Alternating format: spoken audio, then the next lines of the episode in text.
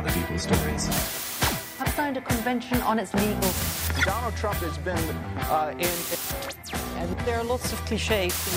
Japan's economy rebounded. Departure of flight to London Gatwick. John Carlin, bon dia i bona hora. Bon dia, Roger. M'han dit que ets de Sitges, Sí, però el bon temps, el- la calor i el sol i la sangria s'està acabant. Winter is coming, John. por la sangría no sé, tú quizá vas por la sangría, yo no tanto. Eh, el winter is coming, pero el winter es eh, diferente aquí en Stitches que en Londres, así que yo encantado. Molt bé, què hi fas aquests dies a Sitges, John? Estoy trabajando, estoy intentando, eh, explorando la posibilidad de hacer un, un libro y, y quiero tener un poco así de, de- de soledad y concentración y ver si logro, y si logro hacerlo o no. Molt bé. Quan ho veurem, això, John? Ah, no, no, no sabemos. No es que sabemos. estoy explorando, como digo, la posibilidad de un libro. No estoy seguro si lo voy a hacer o no. Voy a, voy a hacer un intento y ver si, si estoy haciendo algo que vale la pena. y, y si creo que esto no le va a interesar a nadie, eh, ni a mí, lo voy a dejar. Hi ha una cosa, de fet, que t'ha agrat aquesta setmana, és aquesta d'aquí. About Democrats and Republicans. It's about restoring the Constitution's checks and balances to the Trump administration.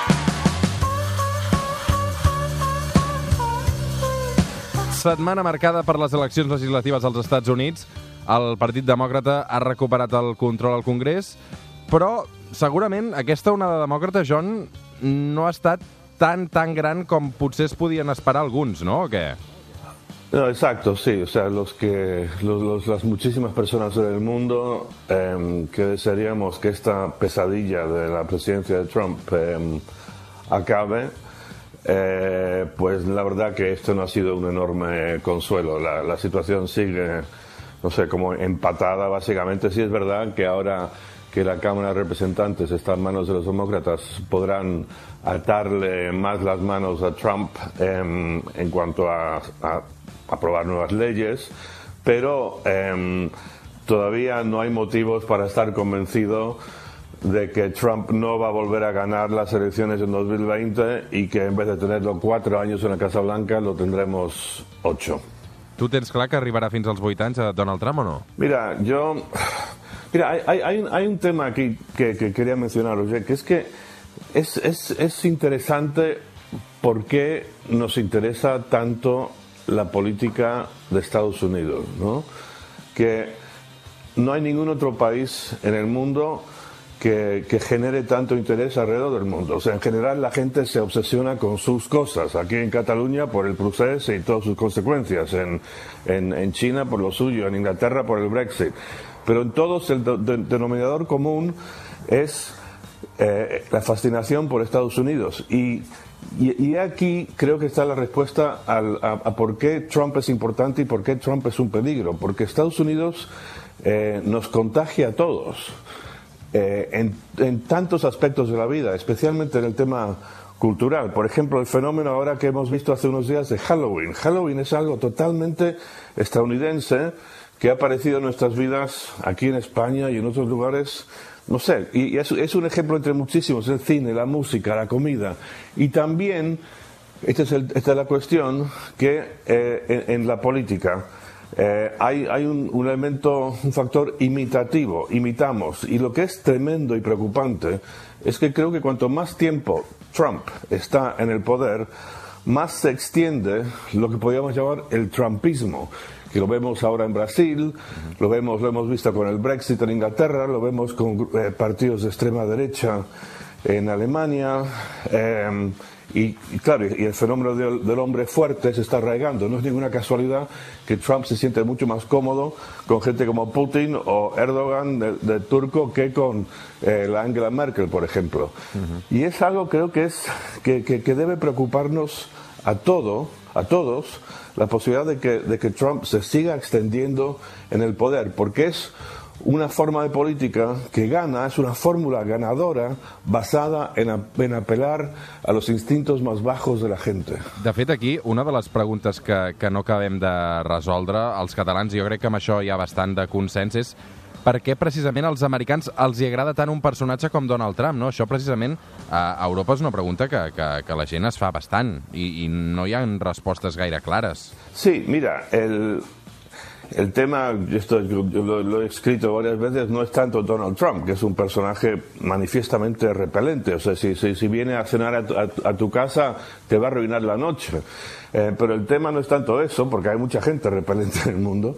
El tema es cómo es posible que la mitad, más o menos, de la población de un país como Estados Unidos considera que este personaje es digno de ser presidente. Y bueno, y voy a lo que acabo de mencionar hace un momento, que apela a, a instintos básicos, apela al miedo, a, a, los resentimientos, a las envidias, y esto funciona.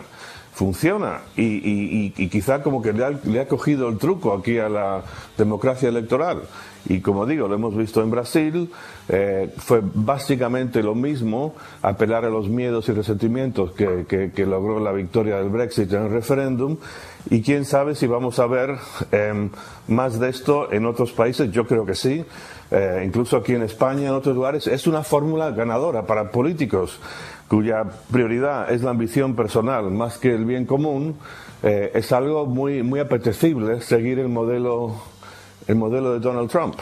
L'últim exemple de Donald Trump, eh, indesitjable, eh, sona així i ens el deixa aquesta setmana. That's enough. Pardon me, ma'am. I'm, I'm, Mr. Excuse me, President, that's enough. Mr. President, I had one other Peter, question, if go. I may ask, on, on the Russia investigation. Are you concerned Aquest que sentim és l'enfrontament entre el president Trump i un periodista de la CNN a qui finalment han acabat retirant l'acreditació per entrar a la Casa Blanca, una retirada d'una acreditació que és una acció més pròpia precisament d'una dictadura que d'una democràcia, John. Mira, detesto estar en esta situación, Roger, de, de parecer que un poco defiendo a, a, a, Donald Trump y que un poco no defiendo a mis compañeros de, de la prensa.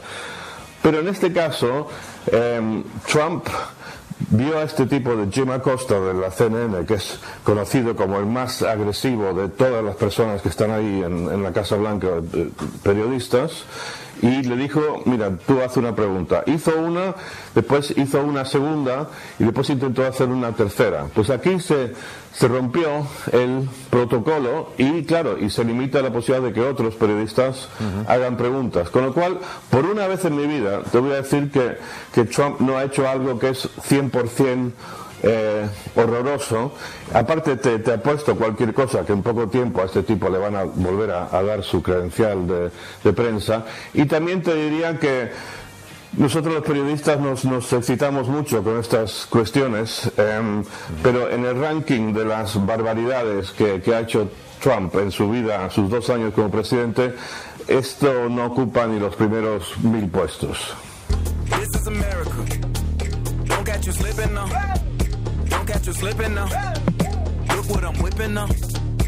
John, avui arribarem fins les 9 del matí amb aquesta cançó crítica precisament amb l'Amèrica que vol Donald Trump. És de Childish Gambino i es diu This is America. Una abraçada ben forta, gaudeix d'aquests dies uh, per Sitges, uh, bona sangria i bon rajos de sol. John, una abraçada. Gràcies. Adéu, adéu. Ciao.